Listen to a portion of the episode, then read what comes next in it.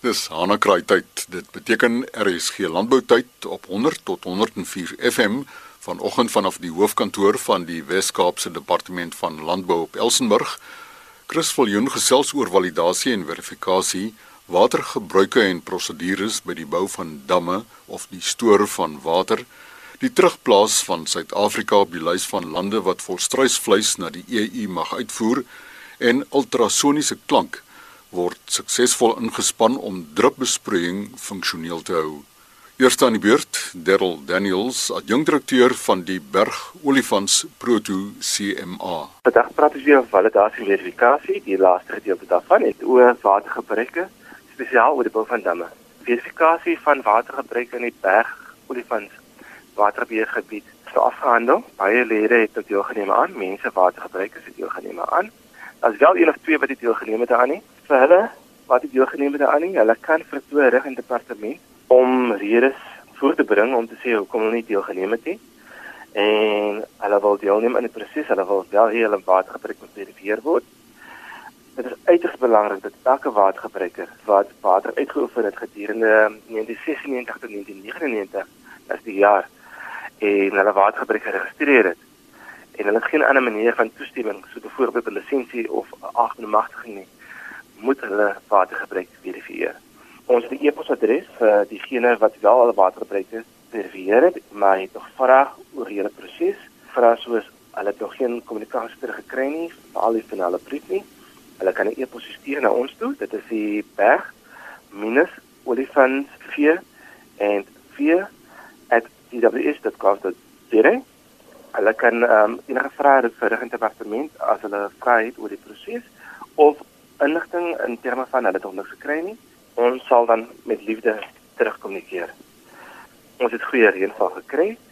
Dit beteken nie dat die beperking gelig is vir die landbou en vir huishoudelike huishoudelike sektors nie. Ons weet wel dat sekere gene hulle as ek dit so mag noem, hulle hulle houding teenoor water gebruik verander. En dit is uiters belangrik dat gene nog altyd verantwoordelik moet wees as hulle water gebruik. Spesifiek water uit bronne uit, bronne beteken van die munisipaliteit te kom. En net wel vir die landbousektor. Op die huidige oomblik soos nog praat, as daar 'n beperking van 60% op jou lokasie, dit beteken jy kan net 40% van die wetlike gebruik gebruik uit 'n bron uit en uitoefen.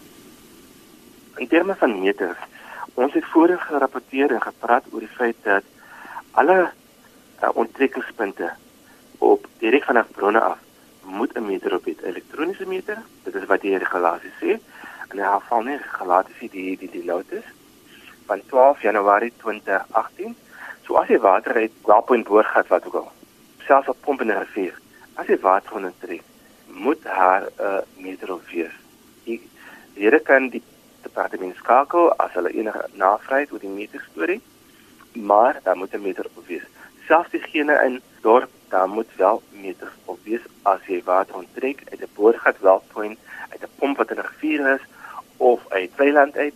Ons is baie streng as dit die kom by onttrekking van weilande uit. So as jy water onttrek uit weiland uit, is 'n no no. Kontak die departement vir navraag en verleiding. Ons is meer as bereid om gene te adviseer op die regte pad. Die laaste punt is oor damme Die afgelope tyd het ons nou wel baie lede gekry wat wil damme bou. Gene wat damme bou sonder dat ons van weet. As jy dam wil bou, die beste ding is onverwaai is voor jy beplanning doen. Konsulteer met die departement van water en sanitasie vir leiding. Sekere damme moet voldoen aan damveiligheid regulasies. Jy mag nie die, die grond skoon maak voor jy toestemming het. Die so streng is damveiligheidsregulasies. So dis uiters belangrik dat as jy enige navraag het oor die bou van damme op die stoor van water. Kontak die departement enige tyd en ons sal die leiding gee om te sê watter regulasie iemand van doen en wat die stappe is om toestemming te kry. Adjunkdirekteur in die departement water en sanitasie, Darryl Daniels, sy e-posadres daniels d a n i e l s d by dws.gov.za sy selfoon 082 370 3556. Die hoofuitvoerende beampte van die Suid-Afrikaanse Volstruis Besigheidskamer, Piet Klein, vertel vervolgens hoe die proses van terugkeer van volstruisvleis na die EU vorder. Ongelukkig kon ons die laaf versedert 1 Maart geen vleis uitvoer nie as gevolg van die probleme wat daar opgetel is met die residue chemiese residue moniteringsprogram en uh, die EU besluit ons kan nou nie meer op die lys van lande wees wat na hulle kan uitvoer nie.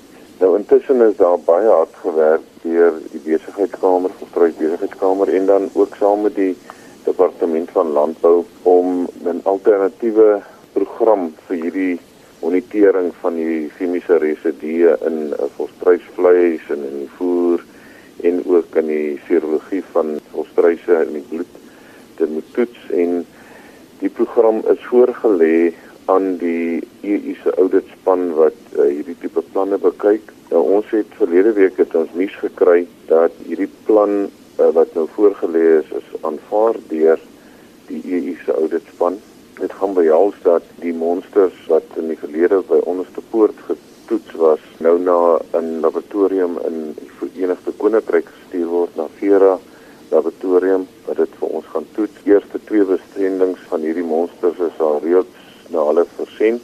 Genadiglik het ons besluit dat hierdie program van ons is nou aanvaarbaar en nou is die proses aan die gang om die hele terugplaas van Suid-Afrika op die lys van lande wat na die EU mag volstruisvleis uitvoer, moet nou dit moet voorgelê word aan al die lidlande en dan moet dit na die staande komitee toe gaan en ongelukkig vat hierdie goed nou tyd en ongelukkig is daar nie presies duidelikheid wanneer ons nou weer op hierdie lys sal wees nie. Maar ons indruk is dat ons daar minstens sien na die einde van die jaar verwag ons dat hierdie publikasie van die nuwe lys sal plaasvind en dat Suid-Afrika dan nou weer daarop sal wees en van daardie stadium af sal ons nou weer kan uh, vleis uitvoer. Ongelukkig as mens so lank uit die mark uit is, is dit maar 'n uh, opdraande stryd om jou produk weer op die rak te kry ons prosesseerders is hard aan die werk met die kliënte in Europa om 'n program te probeer uitwerk en natuurlik is dit vir hierdie kliënte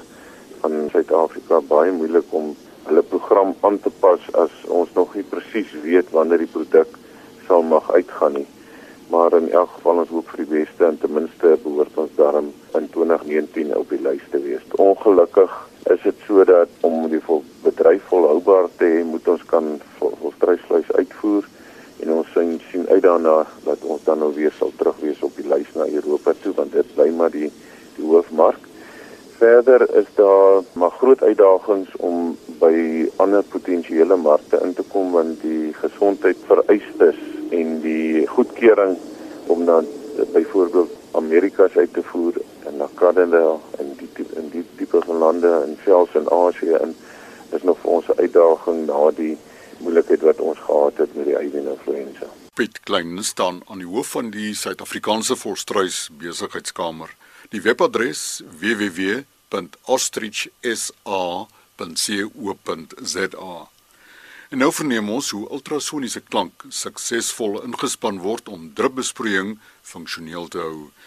Met sy terugkeer die week vanaf Indië gesels Felix Reinders president van die internasionale kommissie op besproeiing en dreinering en navorsingsbestuurder besproeiingsingenieurswese by LNR Landbouingenieurswese. Net voordat ek by dit uitkom, miskien dan nou net eers uh, druppelsproeiing wat ons weet is 'n baie effektiewe waterbronbestuurstelsel wat al oor jare kom in die middel 60s wat ontwikkel is en hy het ontwikkel na kennis-insentiewe bestuurstelsel wat natuurlik jou chemiese, fisiese en biologiese omgewing manipuleer waarin die plant kan funksioneer. Nou ons almal aanvaar of ons het die persepsie dat drupbesproeiing natuurlik effektief is en dit is so, maar daar is ook bewyse dat dit oneffektief kan wees. Die groot rede daarvoor is natuurlik swak waterkwaliteit of natuurlik nou die bestuur van dit of onderhoud wat net nie reg gedoen word nie. So baie keer eh, die probleem wat met drup geassosieer word is die verstopping van die druppers. Daarom is dit nodig dat die water goed gefiltreer moet word, dan moet spoeling plaasvind en wat boere gewoonlik moet doen is om dit chemies te behandel. Maar daar is gevind dat dit nie so suksesvol is nie. Baie suksesvolle manier om dit te doen is natuurlik deur middel van ultrasoniese klank wat nie iets onbekend is nie want dit word in die mediese bedryf of selfs in die motorbedryf gebruik word maar dit is die eerste keer wat so iets geïnnoveer word deur 'n Suid-Afrikaanse boer eh, meneer Leon Lignau wat dit dan nou ontwikkel het en hy het hom vervolmaak en hierdie produk van hom staan bekend as die Green Drum produk wat dan gebeur is ultrasoniese klank word gebruik in 'n waterbad om dan die drupperlyn skoon te maak en uh, natuurlik nou kan mens sien dit is totaal omgewingsvriendelik. So wat die ultrasoniese klank doen, hy vorm miljoene klein vakuumborreltjies wat dan alle mikrooppervlaktes van die pyp sê maar aanraak of dan inplof op die pyp om skokgolwe dan daai vulgoed in sekondes van die drupperpyn eh, pyp af basies stroop. Die tegnologie wat hy gebruik uh, kom in 'n mobiele eenheid of in 'n vasstaande eenheid voor. Dit is net ongelooflik om te sien werk. Nou ons by landbouingenieurs het gevoel maar ons wil dit toets. Ons wil sien wat is die masjien se vermoë en die manier hoe ons dit doen is ons kyk na die koëffisiënt van variasie. Dis 'n indikasie van hoe goed 'n pyp presteer.